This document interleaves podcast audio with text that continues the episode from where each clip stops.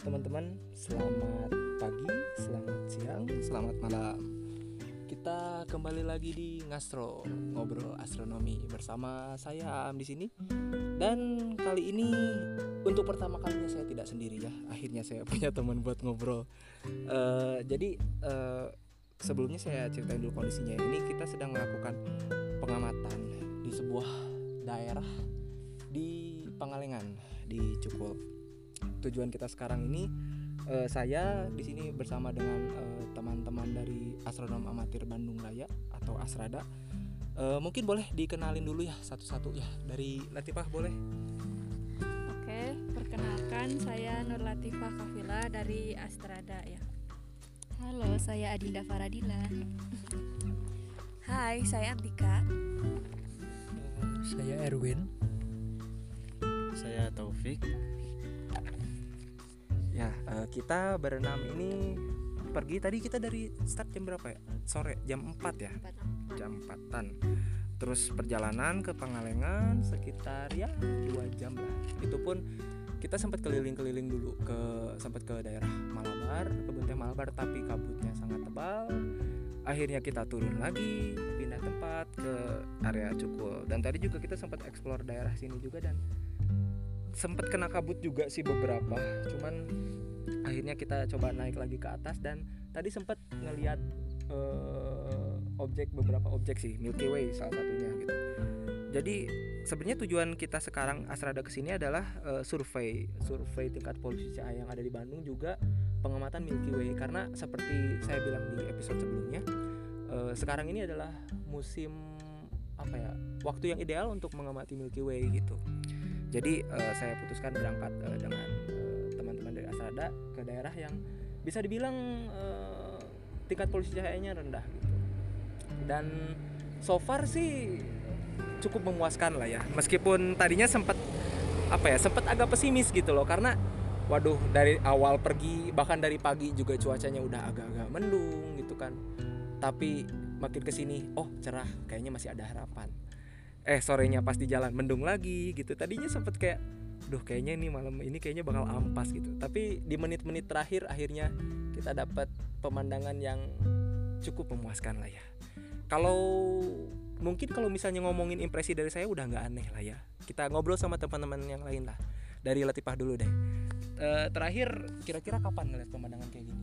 Lihat Milky Way secara langsung lama sih ya mungkin ya nggak lama-lama banget sih e, waktu e, pengamatan hilal ya hilal Ramadan. Ya udah beberapa bulan yang lalu ya.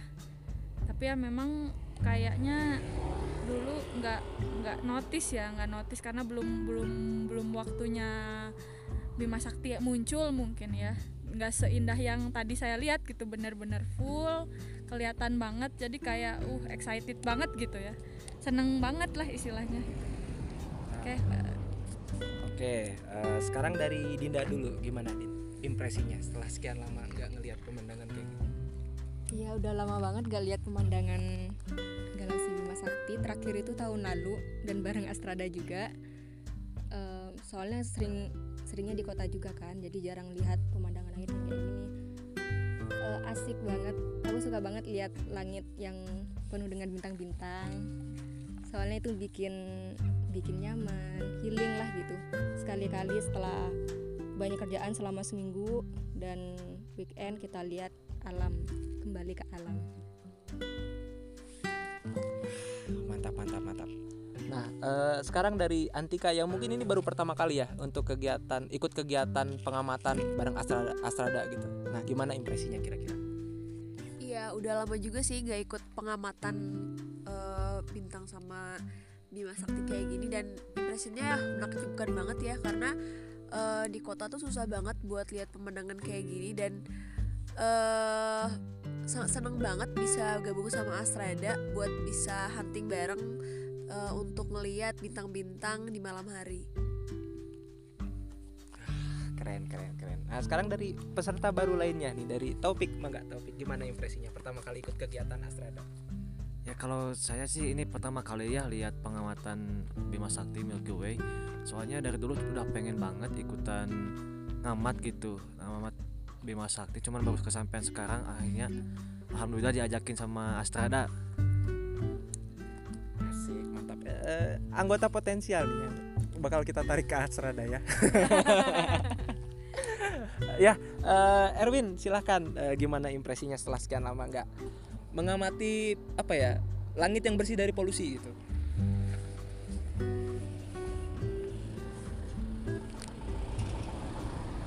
Ya kalau uh, dari aku sih biasanya kalau nyari Milky Way itu harus jauh ke gunung atau ke tempat yang jauh gitu. Kebetulan kan aku orang Jawa Timur. Di sini cuma butuh berapa jam kita tadi? Satu jam. dua jaman ya. Nah kalau di sana dua jam itu masih belum dapat, mesti ke tempat yang jauh gitu. Dan so far senang sih karena udah lama juga nggak lihat Milky Way terakhir itu 2019 itu pun di Pacitan sekitar 4-5 jam lah dari kota saya Wah, berarti cukup lama juga ya kalau di daerah sana. Maksudnya untuk bisa menemukan langit yang bersih dari polusi gitu. Karena mungkin dari dari sisi apa ya? Dari sisi tata letak kotanya juga mungkin berbeda ya dengan di sini gitu. Hmm, kalau di sana kan mungkin dari jumlah kotanya juga banyak jadi jarak antar kota itu deket-deket gitu dan ba- jadi banyak pemukiman gitu kalau di sini kan dominan gunung ya gunung terus jarak antar wilayah juga lumayan dan di sini tuh banyak tempat kayak tempat terbuka terus kayak apa ya, sini tuh apa ya ini namanya? Kebun teh gitu dan lain-lain jadi relatif lebih lebih bagus ini sih itunya.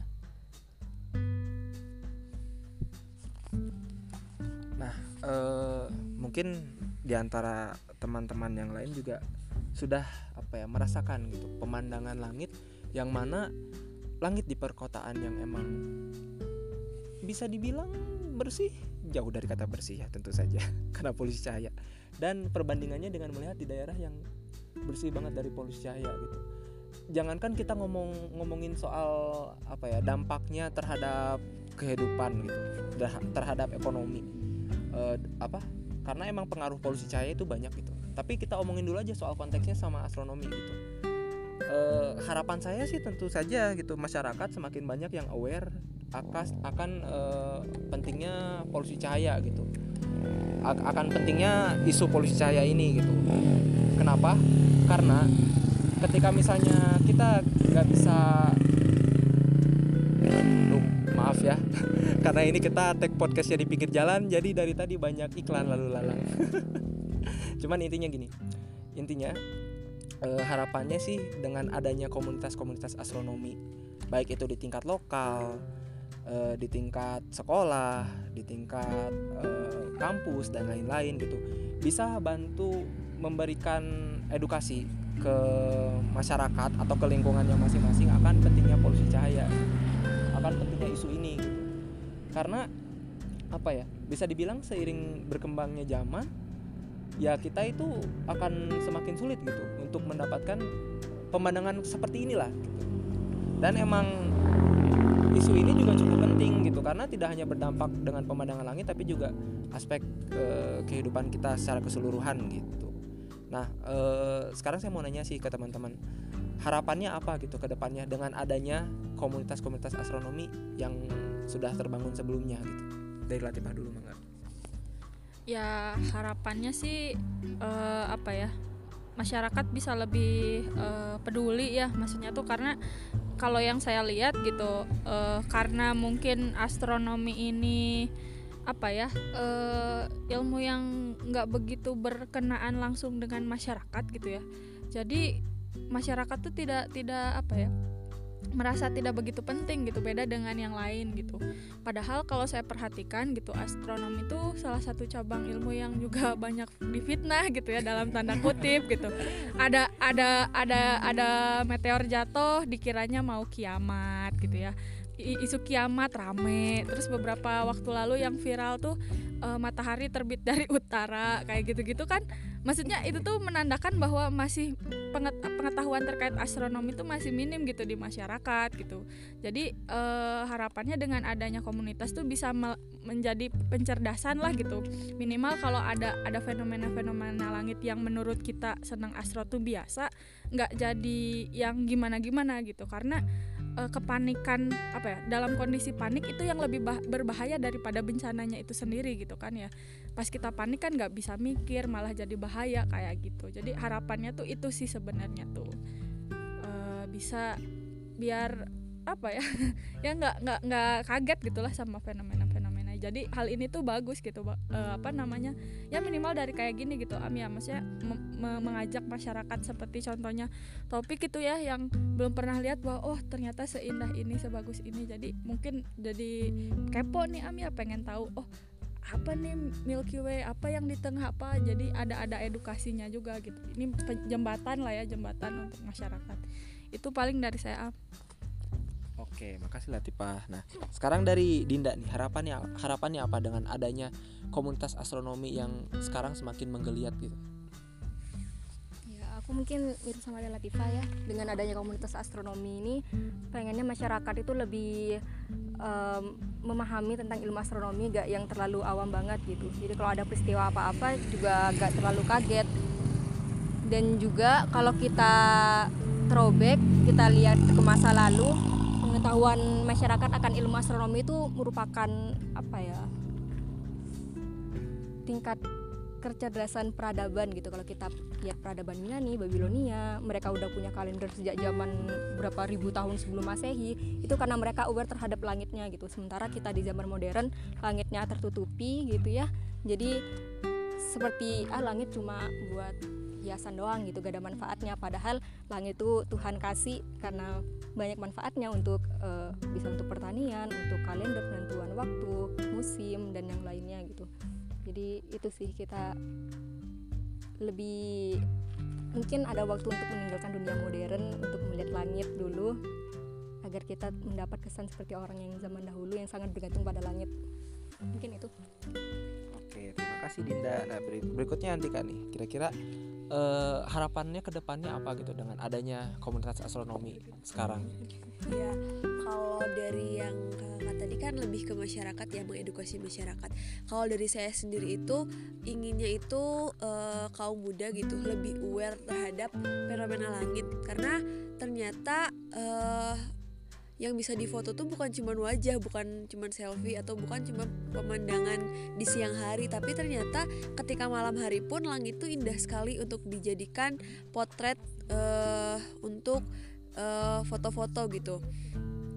Lalu eh, harapannya itu untuk remaja-remaja atau kaum muda juga bisa lebih paham terkait fenomena-fenomena langit sehingga bisa mengedukasi masyarakat.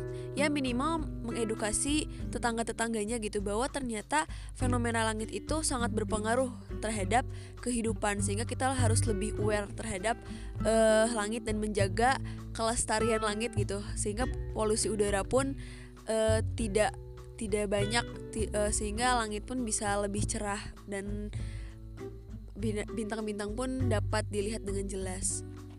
Oke, terima kasih Antika. Berikutnya Erwin. Gimana Win? Kira-kira harapannya dengan adanya komunitas astronomi ini? Kalau dari aku sih dari beberapa akhir tahun belakangan ini kan astronomi ini udah mulai jadi tren. Jadi harapannya sih komunitas itu jangan dijadikan semacam euforia euforia yang nggak jelas gitu, tapi bisa lebih ke punya apa ya? Kalau dari saya sih sarannya tuh lebih ke trademarknya gitu. Contohnya kayak si Astrada. Astrada ini tuh kan trademarknya kan mengembalikan keindahan langit Bandung sebagai landmark astronomi. Kan emang asalnya astronomi kan dari sini kan dari Bandung. Mungkin kota lain yang nggak punya tempat seperti Bandung ini mungkin dengan potensi alamiahnya misal di sana itu kuat di kulturnya ya carilah itu. Tapi yang penting itu carilah trademarknya yang kita tuh tujuannya itu satu untuk memasyarakatkan astronomi Oke, Erwin, terima kasih. And now, uh, last but not least dari Opik gimana Pik? Eh, harapannya dengan adanya komunitas astronomi karena Opik juga berminat kan buat gabung di Asrada gitu. Nah, kira-kira eh, harapannya apa dengan bergabung di Asrada itu? Apa yang ingin didapatkan atau harapannya eh, akan keberadaan komunitas astronomi ke depannya seperti apa kira-kira? ya kalau harapan untuk komunitas astronomi ini semoga ya semoga jadi wadah gitu ya bagi penggiat astronomi dan juga sebagai mungkin eh, komunitas yang buat kita menjadi lebih merenungi kekuasaan Tuhan kebesaran Tuhan. Kalau kita lihat kan kita sendiri hanya tidak lebih dari sebesar debu di alam semesta ini. Ya jadi kita harus lebih bersyukur lebih eh, langit ini sangat luas apalagi Tuhan kita yang maha besar gitu. Ini gitu Kang Oke, terima kasih Topik dan eh singkat aja kali ya karena ini kayaknya udah udah nyampe 16 menit juga. eh sekarang waktu sudah menunjukkan pukul 10.23 di sini dan hawa-hawanya ini semakin dingin juga gitu. Kayaknya ini kita bakal take beberapa shot terus kita bakal pulang gitu. Tapi eh, intinya gitu sih eh, harapan saya juga sama dengan harapan teman-teman lainnya gitu. Semoga dengan adanya adanya komunitas astronomi ini bisa menjembatani eh, teman-teman dari pihak profesional dengan masyarakat luas gitu. Dan semoga kita bisa ba- bantu mengkampanyekan istilahnya langit yang bersih dari polusi cahaya itu seperti apa kepada masyarakat. Dan buat teman-teman yang emang minat sama astronomi tapi bingung, aduh saya saya suka nih ngelihat langit, saya ingin tahu lebih banyak soal langit. Nah, coba cari informasi tentang komunitas astronomi yang ada di daerah ma- teman-teman gitu. Entah itu di tingkat kota, entah itu mungkin teman-teman sekolah di mana atau teman-teman kuliah di mana. Karena sekarang itu banyak gitu komunitas astronomi yang tumbuh tidak hanya di dari batas eh, regional gitu, tapi dari batas institusi juga banyak gitu. Jadi teman-teman bisa cari infonya gitu. Eh, mungkin segitu aja dari saya. Eh, terima kasih teman-teman yang sudah mendengarkan di mungkin ini edisi live report pertama gitu dari Ngastro gitu dan mungkin ke depannya bakal ada episode-episode eh, live report berikutnya. Eh, terima kasih sekali lagi teman-teman yang sudah mendengarkan. Maaf mungkin kalau dari tadi banyak distraksi kendaraan yang lewat segala macam karena ini kita benar-benar pengamatannya itu di pinggir jalan gelap-gelapan kayak ya begitulah. Eh, sekali lagi terima kasih teman-teman. Eh, maaf kalau kalau misalnya dari saya atau dari teman-teman lain ada salah-salah kata atau mungkin ada misinformasi eh, bisa nanti teman-teman eh, colek saya juga di medsos di Twitter dan Instagram di @aminuddin. Eh, sekali lagi terima kasih ya teman-teman Asrada semua yang bantu ngobrol-ngobrol di episode Ngastro kali ini. Akhirnya saya tidak monolog sendiri kayak orang gila ya. Terima kasih teman-teman. Eh, sampai jumpa di episode berikutnya. Dadah, saya mau motret-motret lagi. thank you